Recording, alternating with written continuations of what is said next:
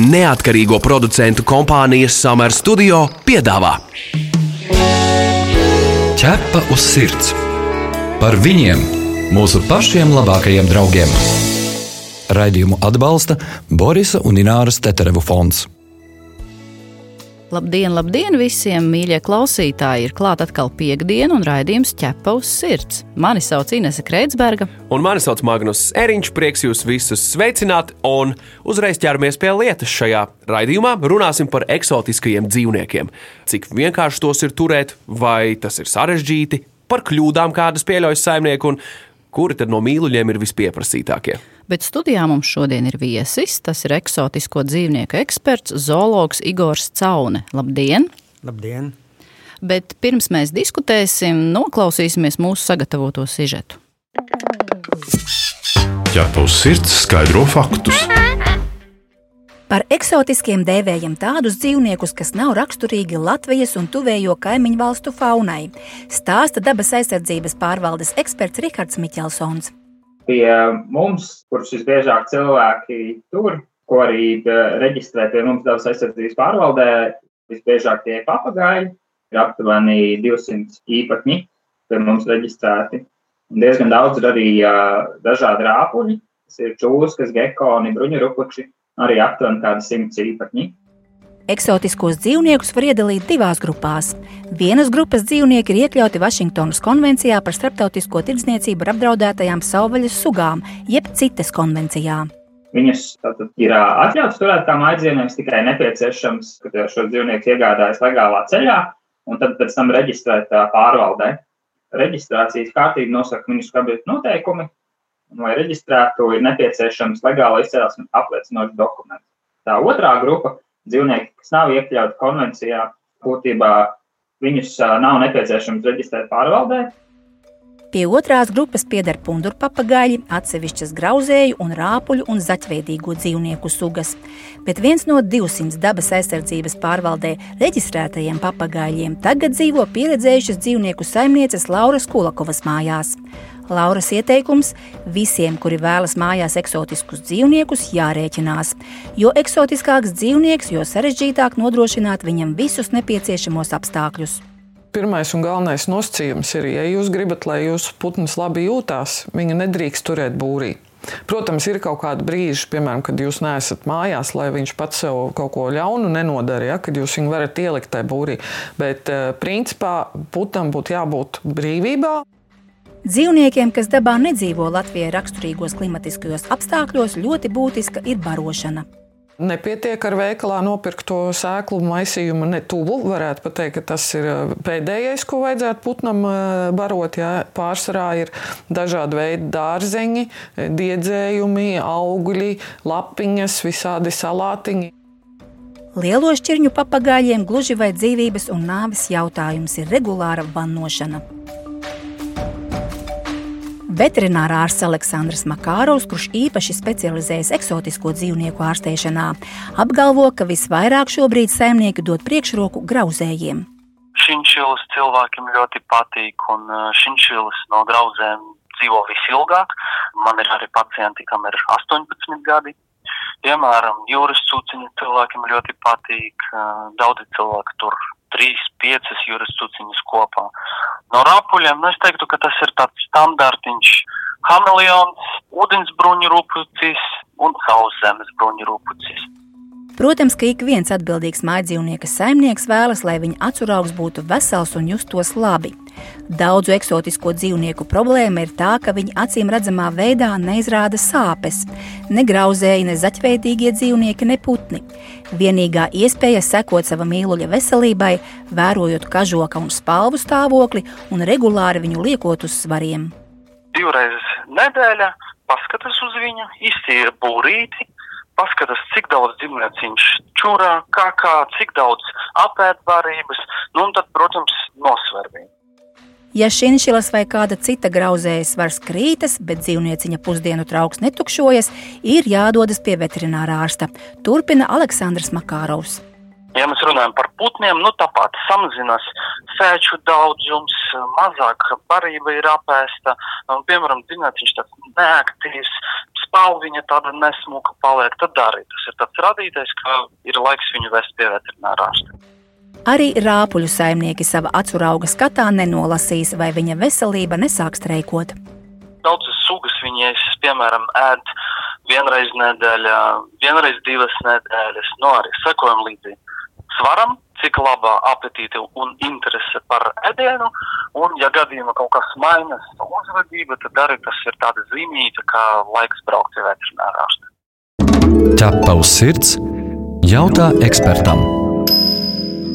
Nu jā, un uzreiz jautājums ekspertam. Daudzus cilvēkus sauc par suņu vai kaķu cilvēkiem. Kas jūs pats esat? Kuri mīluļi jums tādi šobrīd paši tuvākie? Jums vajadzētu izvēlēties vienu. Tā vienu dzīvnieku vai vienu sugu. Sākās. Nu, kā teiksiet, nu, pamēģināsim ar Nu, labi, sugu. labi, es saprotu. Nu, uz šo momentu man es nodarbojos, un man visu laiku patīk rapuļi.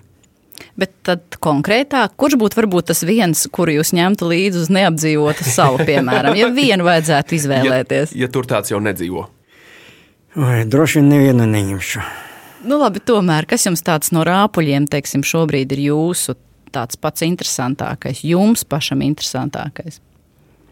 Mm, labi, pateikšu, ka tas ir varāni. Kāpēc varāni? Nu, varāni pirmkārt, tas ir bērnības sapnis bija. Un bija visu laiku, es gribēju dabūt zaļos varānos un zilos varānos, kur dzīvo Jaungvinējā. Nu, man bija citi dzīvnieki, ļoti daudz, un čūskas, un abinieki bija. Nu, tagad es beidzot dabūju varānus, un tagad es viņus sāku turēt. Cik ilgu laiku bija jāgaida, lai realizētu šo bērnības sapni? Nu, kaut kur vismaz 20, 30 gadus. Runājot par eksotiskajiem dzīvniekiem, skaidrs, ka tas katram pēc maciņa lieluma un iespējām, vai ne? Bet uh, par pašu situāciju, vai tiešām cilvēki nu tik ļoti, ļoti, ļoti vēlas eksotiskos dzīvniekus, kuru turēšanai ir nepieciešama atļauja, ja tomēr tās vēlmes ir piezemētākas šobrīd sabiedrībā? Nu, pirmkārt, protams, ka cilvēkam gribas parādīt, ka viņam ir kaut kas tāds, kuram nav otram cilvēkam. Tas ir viens. Otrs, nu, tomēr uh, eksotiski cilvēki viņi nedaudz krašņāk nekā mūsēji dzīvnieki. Un tas arī pievilina cilvēkus. Nu, es domāju, ka tas ir galvenais. Protams, ka ir viena daļa, kurai, kā var teikt, var ieguldīt naudu un nopirkt ļoti dārgu un ļoti retu dzīvnieku, lai pēc tam parādītu, ka man viņš ir. Rekā mums sanāk, sižetā, ko mēs noklausījāmies, varam secināt, ko saka veterinārārs, ka pārsvarā cilvēkiem patīk bruņurupuči un hameleoni. Uh, nu, mēs arī paskatījāmies SSLV portālā, ko piedāvā eksotisko dzīvnieku tirgū. Nu, protams, viņš ir plašs, bet nu, lielu popularitāti iegūst milzu gliemeži, zirnekļi, tarakāni, zaru kukaiņi. Tie tādu pilnīgi tā kā topu veido. Kā jūs to komentētu? Tas atspoguļo to patieso situāciju pēc tām cilvēku vēlmēm. Teiksim tā, nevisai. Es uzskatu, ka nevisai. No rāpuļiem tomēr tagad ir topā gekoni un pārdainēs agamas. Tas ir noteikti. Jā, gliemeži ir topā, jā, tagad sāk interesēties par viņiem, tāpēc, ka nu, ļoti viegli viņu turēt. Par zirnekļiem. nu, Es vispār nelabprāt ar viņu, negribu par viņiem runāt. Ļoti bīstami dzīvnieki. Un, lai turētu tādu dzīvnieku, vajag būt nu, ļoti uzmanīgam. Un nevajag domāt, ka viņš var tikai iekost. Viņi var izraisīt ļoti smagu alerģiju. Oho, pat neiekožot, vienkārši pieskaroties. Jā, pat neiekožot. jā. Klausītājiem jau tagad tirpas varbūt daudziem pārskrien, jo zirnekļus arī ne visi grib īstenībā turēt. Tā Un, un, un ne visi grib redzēt. Nu, viena daļa tomēr tur un pērk un nezinu. Nodarbojas ar viņu. Tiem patīk. Bet kas vēl ir topā Latvijā no eksotiskajiem dzīvniekiem? Līdz šim varbūt kāds vēl nav uzskaitīts. Nu, es domāju, ka putni pirmkārt tas ir viens. Viena daļa no kaut kādiem grauzēm, sikiem zīdītājiem dzīvniekiem. Nu, tagad jau varbūt trešā vietā es varu nosaukt patiešām rapuļi būs. Nu, par zīvtiņiem mēs nerunāsim. Tas ir eh, visu laiku bija, ir un būs. Modi. Piemēram, suņu kaķu pasaulē ir tā, ka mm, to suņu un kaķu šķirņu modi nu, nosaka teiksim, Holivudas filmas. Popkultūra. piemēram. Nu, jā, vai nav tā, ka arī tos pašus gekonus vai kādu citu to dzīvnieku, ko jūs nosaucāt, veido varbūt kāda slavenības pieredze? Varbūt Instagramā viņš ir salicis bildes ar kādu dzīvnieku, un tad pārējie arī tā kā seko. Jūs tā neesat pamanījis, ka to ietekmē kāda, kā Magnus saka, popkultūra? Popkultūra. Pēdējā laika it kā nē. Pirms tam noteikti tā bija. Tāpēc, ka kaut kur parādās filma ar uh, vārānam, ar lieliem vārāniem. Uzreiz man sāk zvanīt un prasīt, kur var dabūt. Vai viņi var pierādināt. Tagad mazāk, protams. Jūs saprotat, turēt var visus. Vienalga, ko. Bet vienīgais uzreiz jautājums, ar ko barot? Aha, Tas ir labs jautājums, jo, e, cik es saprotu, daudzi cilvēki nav gatavi tam, ka viņiem būs jābaro savs eksotiskais mīlulis ar barību, kas pati ir dzīva. Ir tieši tā. Un kas tad tā ir un kur tādu vispār var dabūt? Nu, neteiksim, protams, vietas nu, nosaukumus, bet kas ir tā? Barība? pirmkārt, tas ir uh, lielas ķirzakas, čūskas. Viena daļa no zīdītēju dzīvniekiem, kuriem tomēr vajag kaut ko no gaļas paēst. Kas tas ir uzskaitam varbūt? Tieši no zīdītēju dzīvniekiem. Nē, tātad, kas viņiem būtu, tātad ar ko būtu jārēķinās eksotiskā mīluļu saimniekiem, ar ko viņiem būtu jābaro savus mīlulis? Labi, lai nebaidītu uh, saimniekus, varu pateikt, tagad ir mode barot ar sasaldētu barību. Un, uh, nevajag barot ar dzīvo pēli, var pabarot ar sasaldētu pēli. Nu jā, tātad industrija piedāvā sasaldētus peļu embrijus, cik es saprotu. Nu, jā, mazulis, jā, un lielas spēles ir, jā, un pārsvarā tagad tiem, kuri ir vismaz čūskas, es zinu, ka viņi visi baro, nu, lielākā daļa baro ar uh, sasaldētu barību. Bet tas pats gekons jābaro, cik es zinu, ar, ar, ar kukaiņiem dzīviem. Ir tāda lieta. Un pareizi, ja ir uh, industrija, kur ražo gekonus, ir industrija, kur ražo un pārdod kukaiņus. Mums jautājums par milzu gliemežiem. Vai taisnība, ka šie milzu gliemeži iekaro popularitāti, un uh, vai cilvēki jautā, ko darīt, vai vienam gliemezim nesot garlaicīgi, viņam nevajag nopirkt vēl gliemezi? Ko jūs par tiem domājat? Oi, nabagie cilvēki, jā. Nē, turiet labāk tomēr vienu, ja tu negribi viņu vairot. Tāpēc, ja pēkšņi viņi sāk vairoties, jums būs tik daudz mācekļus. Runājot par eksotiskajiem dzīvniekiem un uh, to paradumiem saistībā ar uh, došanos ziemas miegā, jeb ziemas guļā, kā jums šķiet, vai cilvēki, tie, kuri grib paņemt eksotisko dzīvnieku savā mājās, vai viņi par to ir aizdomājušies un vai ir, uh, vai ir gatavi? Vai nu, nerodas daudzi bojājas rezultāti, jo dzīvnieks tiek nepareizi sagatavots? Nu, saprotat, ka ziemas miega arī, ja piemēram tas dzīvnieks nāk no tropiska josla, ja, no tropikiem, ja, viņam praktiski ziemas miega nav. Tas nozīmē, ka viņš visu laiku būs aktīvs. Šajā gadījumā runa vairāk iet par bruņurupučiem, piemēram, stepju bruņurupucis vai kaut kas tam līdzīgs. Aparāji nē, eksotiski dzīvnieki ne, nevajag viņam nodrošināt ziemas miegu. Atgādinām, jūs šobrīd klausāties raidījumu ķepaus sirds. Ja jums rodas kāds jautājums vai ieteikums, rakstiet mums e-pastu uz info atķepausirds.lv. Protams, atgādināsim, ka šis raidījuma ieraksts ir pieejams Latvijas radio arhīvā, kā arī esam atrodami dažna dažādās sociālo tīklu platformās. Meklējiet ķepaus sirds! Tu pazīsti kādu īpašu dzīvnieku draugu? Tavs kaimiņš vai kolēģis palīdz nelaimē nonākušiem suņiem un kaķiem? Varbūt kāds suns vai kaķis izmainīs tavu pašu dzīvi. Raksti mums, un mēs pastāstīsim šo sirsnīgo stāstu pārējiem klausītājiem. Iedrošināsim arī citus izdarīt kādu labu darbu. Gaidām jūsu vēstuli uz info atķepa uz sirds LV.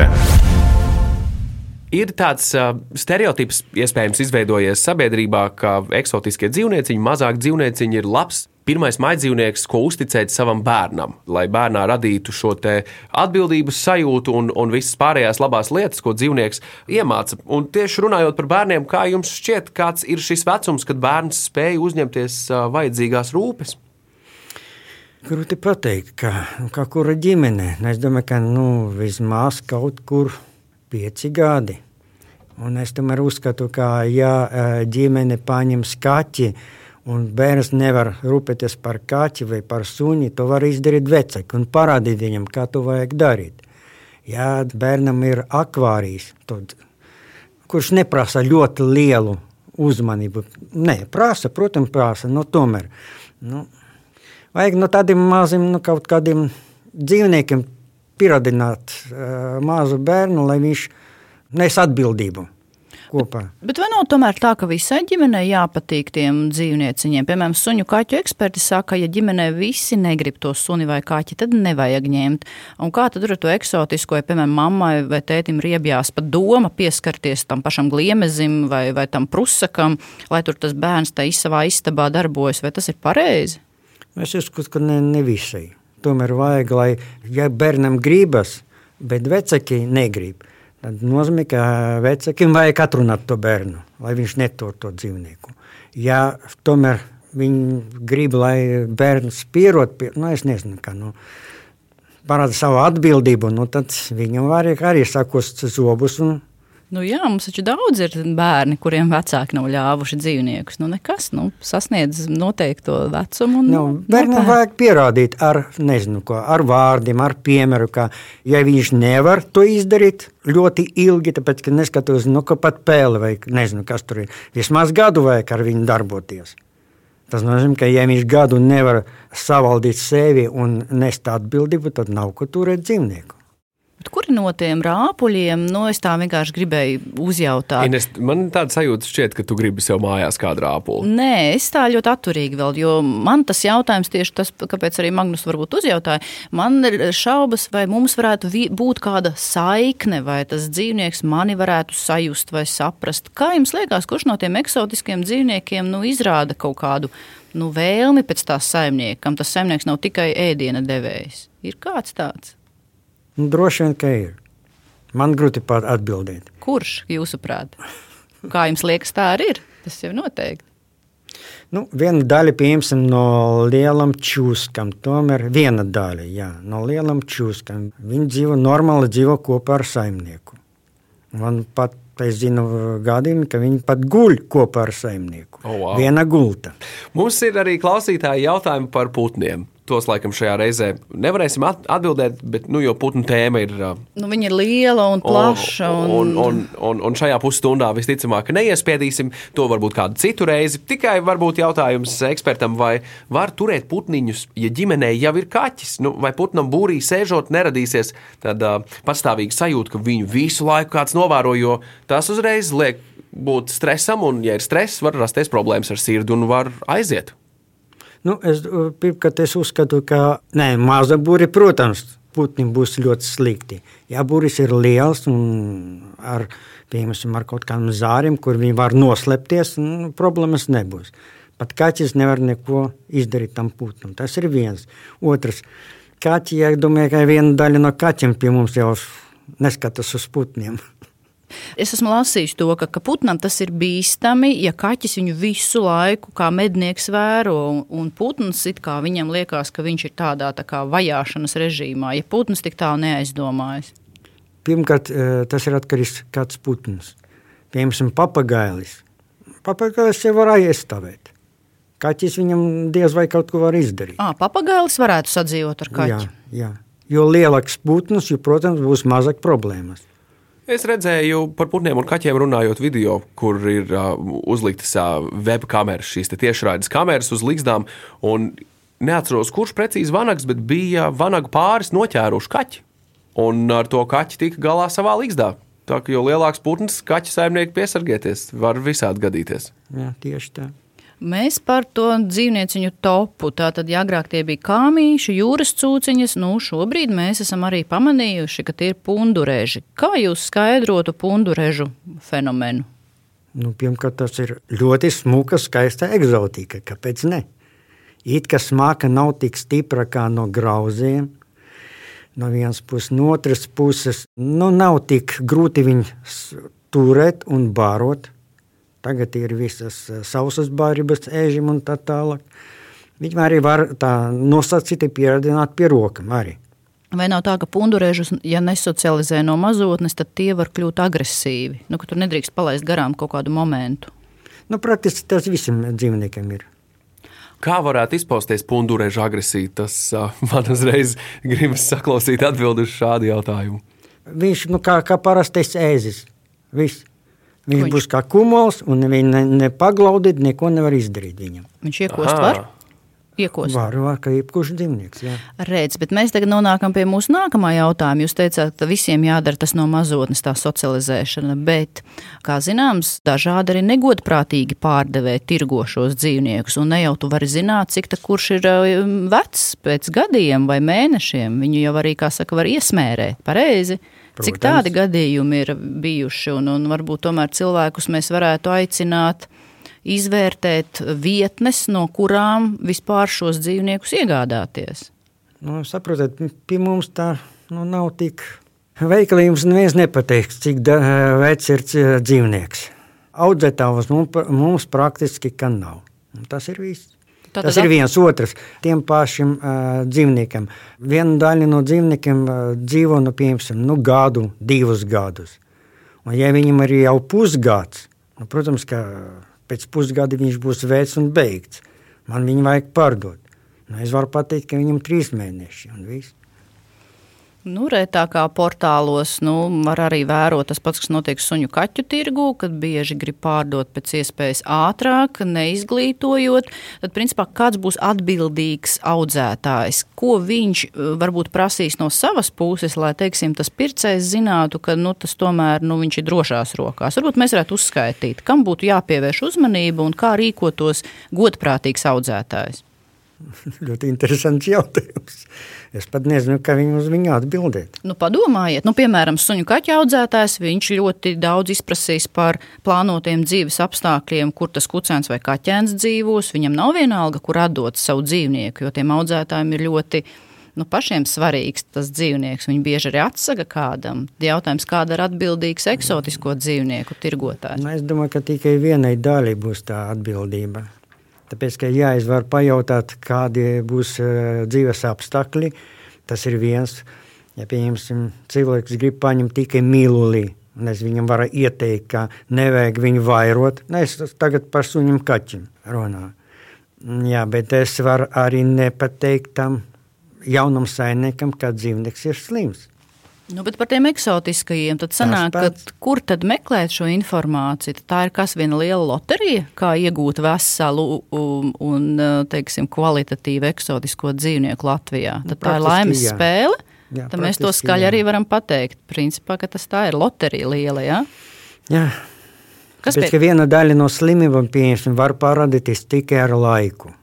Ir iedzimtības slimības, par kurām pat var nezināt tirgotājs.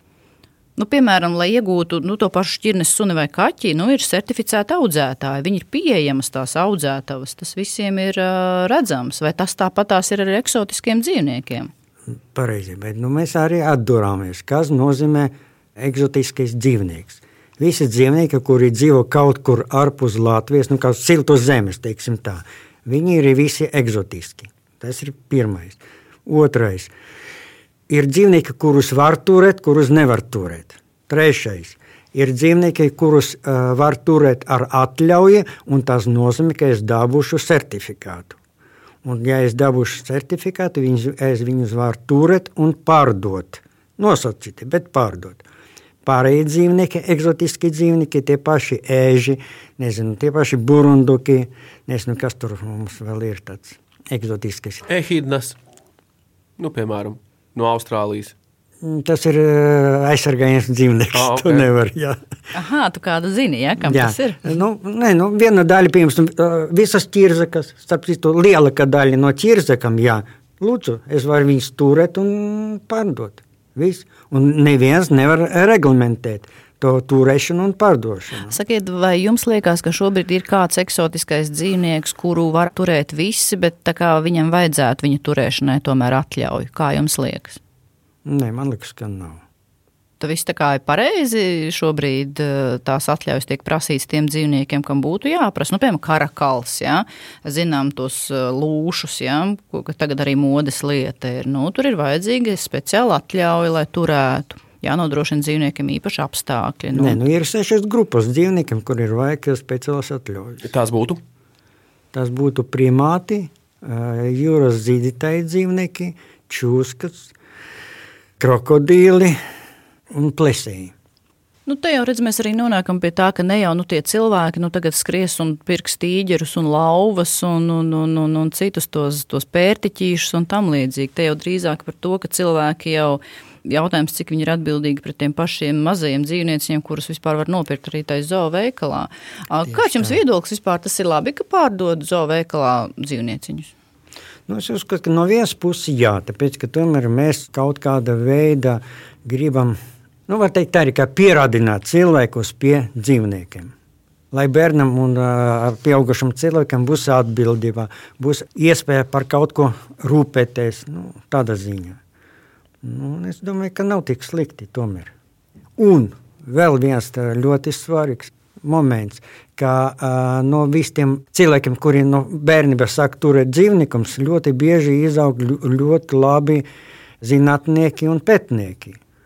Un neskatoties uz to, tas ir mans personīgais viedoklis, bet pieņemsim tie paši zoodārzi reizēm nevar nodrošināt labus apstākļus saviem dzīvniekiem. Privātā dzīve es varu to izdarīt, un es varu savairot ļoti rētas dzīvniekus, kur nevar savairot zoodārzi. Jūs varat padalīties, kas jums šobrīd ir? Nē, nē, es, pa, es... nē nu, bet par pajautāt, taču varu. Jūs gribat patē, nu, pastāstīt, kas jūsu mīluļu sarakstā ir? Tagad man palika tikai ķirzekas praktiski. Es burtiski dažas dienas atpakaļ tik vaļa no pēdējiem čūskam. Kā tas ir tik atvaļā? Nu, Izklausās, ka tur interesanti ir gājis. Nē, nē, nē kāpēc? Nē, nē, es viņu atdevu citiem. Kāpēc beidzās mīlestība pret čūskām? Nu, nezinu, ar laiku jau viss kaut kas beidzas. Viss. Cilvēkam arī mīlestība beidzas reizēm. Skaidrs, skaidrs. Redzi, kā. Bet es vēl gribu tā kā noslēgumā vēl pajautāt, kas jūsuprāt ir tas īpašais, tas unikālais, tā sajūta, ko var iegūt tieši no tā eksotiskā dzīvnieka, ko nevar iegūt no, nu, no varbūt ierastās sunīša, kaķīša, no citiem kādiem ģimenes locekļiem. Kas ir tas unikālais pievienotais, ko jūs saskatāt, kas ir tas ieguvums? Man liekas, ka tas ir ļoti vienkārši, man interesanti un viss. Tas man ir interesanti. Jā. Un no otras puses, saprotiet, man ir, a jums nav. Es varu, a jūs nevarat. Arī, jā, kā saka, nu, arī daudzi saka, tas ir tas skaistums, kur var papriecēt acis. Tas tas eksotiskais, krāšņais, tas spalvu, krāsu savienojums vai kas ir. Nu, varbūt no paša sākuma, jā, pēc tam, tad, kad viņi ļoti daudz un ļoti ilgi jau ir kaut kas pavisam cits parādās. Nē, bet es vēl tomēr vienu jautājumu gribēju pajautāt. Ir tā, ka vai tā ir taisnība, vai tie, kas sāka, tā, vai tā ir tāda veida kā slimība, ja tu sāc ņemt eksotiskos dzīvniekus, tad tu jau vairs neredzi tam ne galu, ne malas, un arī skaitu jau īsti nezini, cik tev viņi ir. Vajag tādu, vajag to, vēl to, jo tas arī ir foršs, un tie būs draugi. Jā, protams. Rekā. Ir tā. Tā ir, jā. Teiksim tā ne visiem, bet tomēr vienai daļai noteikti ir. Un es zinu daudz cilvēku, kuram tā ir. Viņš sāk no vienas ķirzakas un tagad veselas kolekcijas. Jūsu eksperta praksē, kas ir viseksotiskākais dzīvnieks, ja tā to var nosaukt, ko esat redzējis kāda, kādam kā mājas mīluli? Nu, ja tas ir aligātors, arī pasakiet. Mēs jau nesakām ne adresi, ne uzvārdu. Nē, nē, nē, nē. par aligātoru es nezinu. Tagad varbūt zinu. nu, tad kurš būs tas eksotiskākais? Jā. Nu, tāds, ka, wow. Tas ir ļoti, ļoti, tas bija ļoti sen. Ļoti sen.